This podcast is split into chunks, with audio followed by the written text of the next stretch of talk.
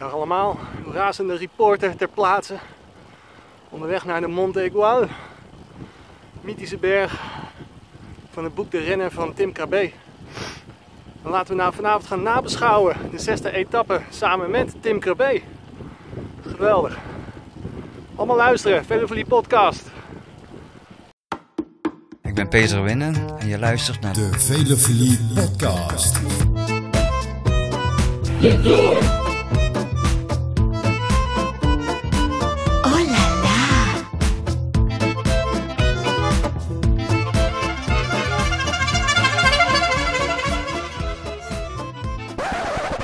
Goedenavond, dames en heren.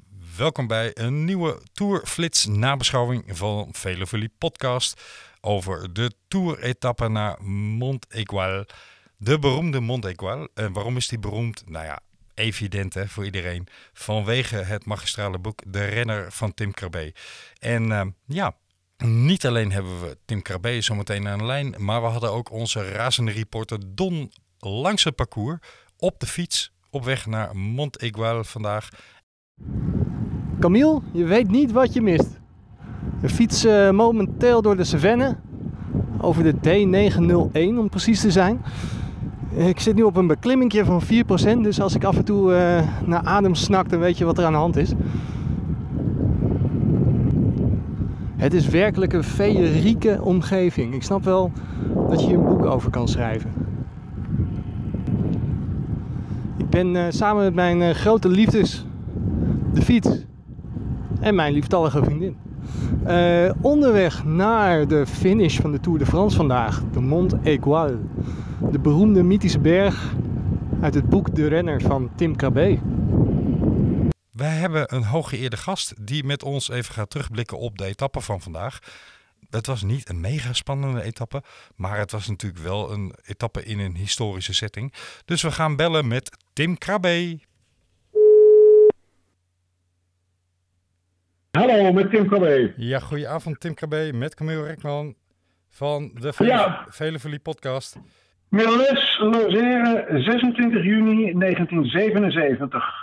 Warm, bewolkt weer. Ik pak mijn spullen uit mijn auto en zet mijn fiets in elkaar. Vanaf terrasjes kijken toeristen en inwoners toe. Niet wielrenners. De leegheid van die levens schokt me. Prachtig. De beroemde eerste vijf openingszinnen van het beroemde boek De Renner. Uitgesproken door de auteur zelf, Tim Krabbe. Van harte welkom in de Velofilie podcast. We zijn zeer vereerd dat je te gast bent. Nou, ik vind het leuk. Eh, vraag maar uit. Kijk, allereerst, heb je vandaag de koers gezien?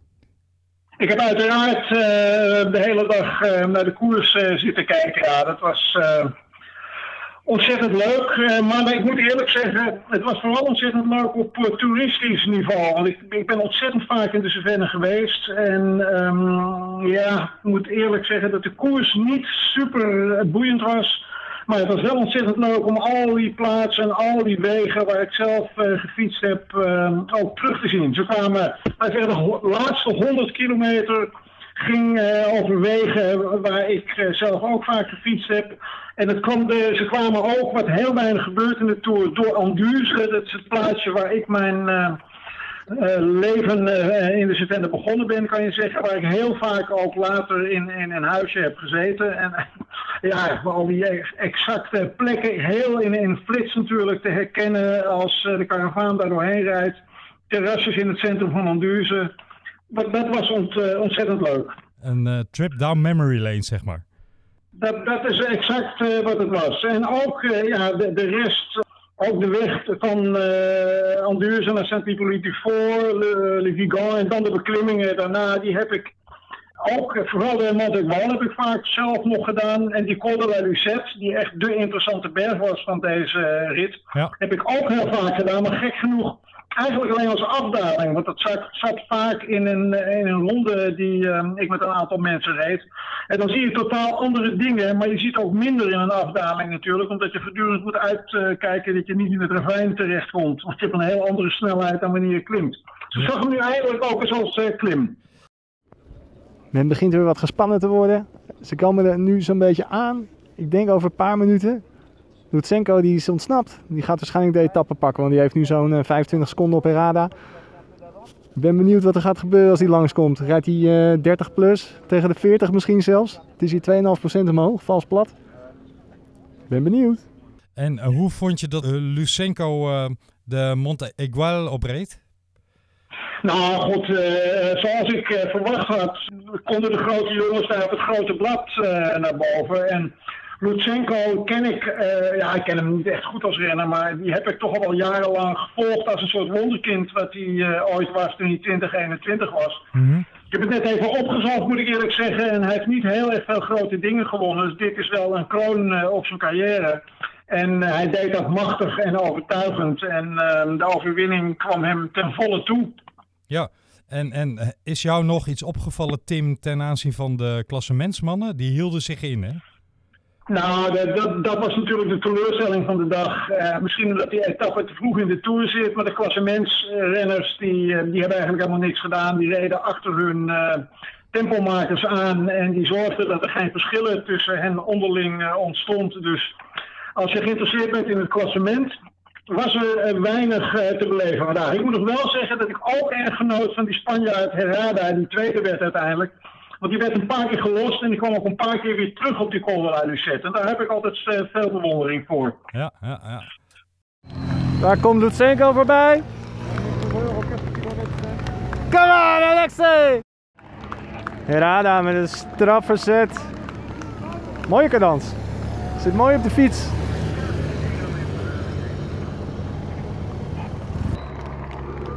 Allee, daar komt Krek. Krek van Avermaat.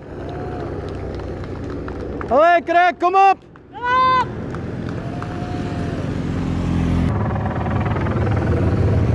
Komen ze dan nu, de grote kanonnen? Ja hoor. En groep. Zien er goed uit.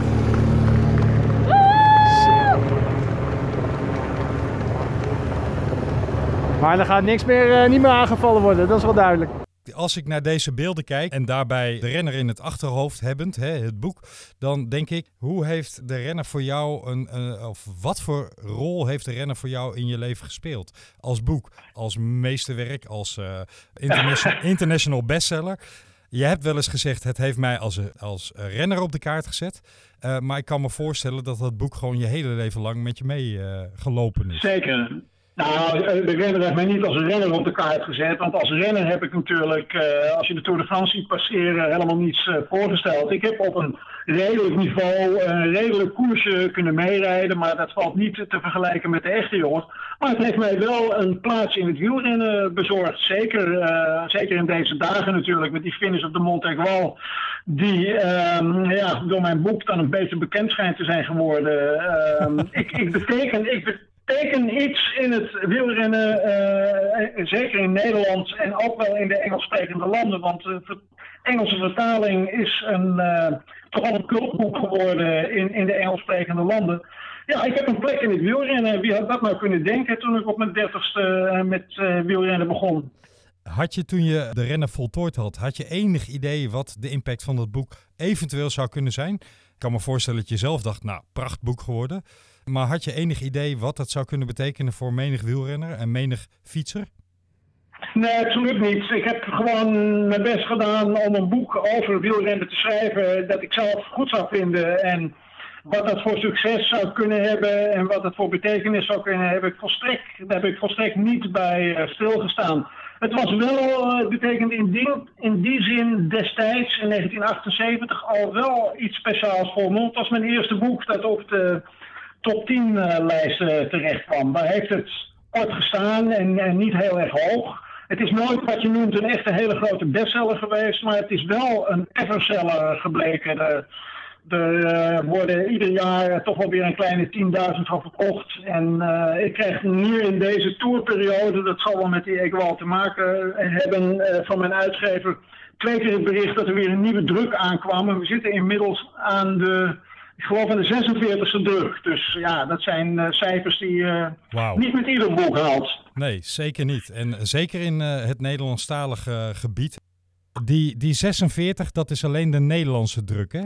Ja, dat is alleen in het Nederlands. Ik geloof dat het 46 was. Het is uh, in een stuk of twaalf talen vertaald. En um, het heeft in het Engels uh, toch ook wel enige betekenis gekregen. In het Duits heeft het ook niet slecht uh, verkocht. En in andere talen, ja, dat was verschrikkelijk leuk dat het daar uitgekomen is. Trouwens, in het Spaans zijn er ook vier of vijf drukken van verkocht.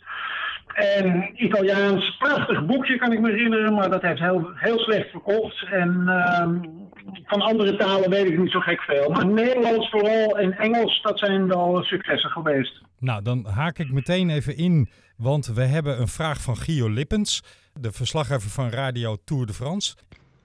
Beste Tim, dit is een berichtje van een bewonderaar die zonder het lezen van jouw roman De Renner wellicht nooit in de wielerwereld terecht was gekomen. Het is een geweldig boek dat de tand des tijds meer dan uitstekend heeft doorstaan. Enkele jaren geleden heb ik ook aan de lijve ondervonden dat jij nog steeds coureur bent in hart en nieren. Het ging mij een beetje te hard in de tijd met de windjammers. Maar nu de vraag. Komt die vertaling in het Frans er ooit? Ik lees vanochtend in de krant dat je jaren geleden een vertaling hebt afgekeurd omdat er te veel onzin in stond. Dat vind ik toch jammer. Die etappe naar Mont Aigual had in deze tour een heel andere lading gekregen als de Fransen wel het genoegen hadden gehad om jouw verhaal te lezen. Doe ze een lol en laat de renner alsnog in het Frans vertalen. Al is het maar om die voor ons mythische berg vaker in de tour te krijgen. Gio Lippens. Nou, ik vind het op zich niet verschrikkelijk, niet verschrikkelijk dat de Fransen er niet van kunnen genieten. Het zou leuk zijn om er weer een extra taal bij te hebben. Uh, maar ja, eh, de, de, Fransen zijn een geweldig volk, maar ook een vreselijk chauvinistisch volk. Mm -hmm. Ik geloof dat ze uh, niet zo'n behoefte hebben aan een Hollander die uitleggen wat wielrennen is. Ik, ik um, heb, uh, er is ooit een serieuze grote uitgever bezig geweest met een Franse vertaling. En die, ik heb toen een proefvertaling geëist. En daar bleek de betreffende vertaler, uh, die bleek dat heel erg bloemrijk te gaan vertalen. En ik heb toen contact met die man gehad en gezegd, ja, maar zo schrijf ik helemaal niet. Als ik uh, schrijf hij zei, dan moet je daar niet iets van maken dat terugvertaald uh, zou worden. Hij knikte met zijn hoofd en knikte instemmend. Dan moet je gewoon vertalen met il disait of iets dergelijks. Ja, ik vroeg waarom doet u dat eigenlijk, uh, zulke bloemrijke vertalingen maken? Ja, ik wil het boek een beetje opfleuren, schreef hij toen toe. En dat, dat is natuurlijk een, een uh, voor een vertaler een, een, dodelijke opmerking. Zo mag je absoluut niet vertalen. Maar het schijnt dat dat wel meer in het Frans gebeurt. Dus mocht er zich ooit een, een, een, een goede uitgever melden die dat boek wil vertalen zoals het vertaald hoort te worden, dan graag. Ik weet niet of het in de tijd van de renner ook al zo was, maar het asfalt is schitterend. En trouwens, de wegen zijn super rustig. Dus voor de fietsliefhebber echt een must. Ik reed net door een dorpje, Febron. En er liep een boer met uh, koeien gewoon over de weg. Kun je, ja, kun je een voorstelling maken hoe rustig het hier is, denk ik. Mijn vraag is altijd geweest bij het lezen van dat boek: hoe lang heb je daaraan gesleuteld om tot die stijlvorm te komen? Was dat in één keer uh, klaar? Of is dat kill your darlings, kill your darlings, kill your darlings geweest?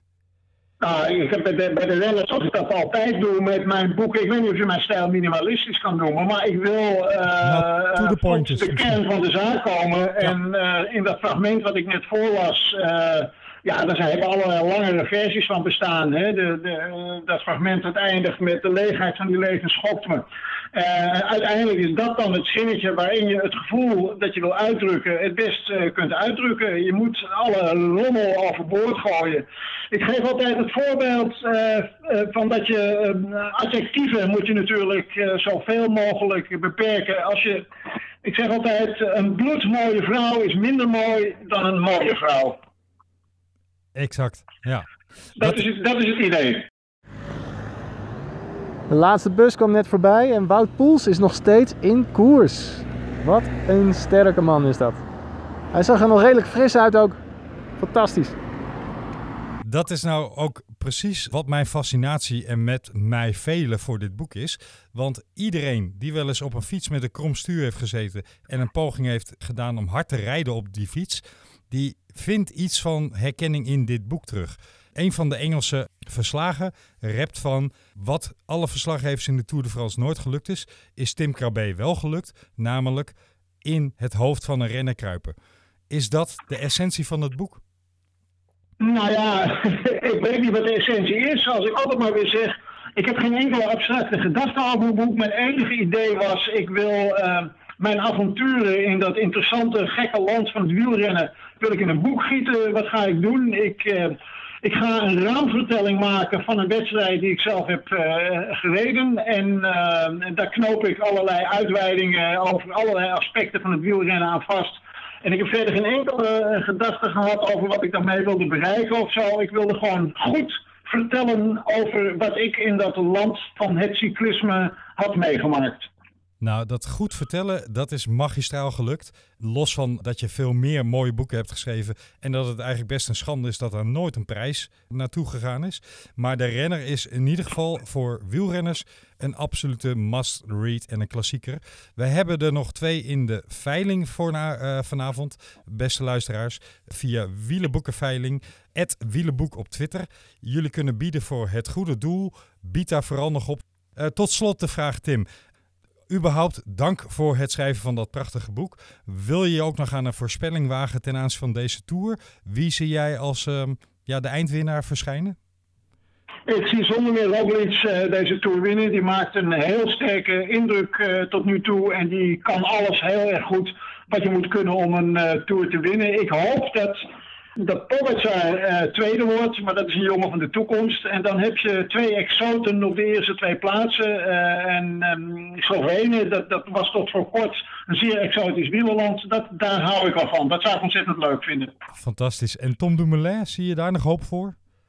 Ik denk, wat ik tot nu toe zie, uh, steekt Dumoulin er niet bovenuit. Ik hoop voor hem, en dat zie ik ook wel gebeuren, dat hij bij de eerste vijf eindigt. Ik denk dat dat na al die ellende die hij heeft meegemaakt uh, heel erg uh, aangenaam voor hem zou zijn als dat lukte. En ik denk dat hij dan volgend jaar misschien wel op zijn allersterkst is en weer echt voor de overwinning kan meedoen.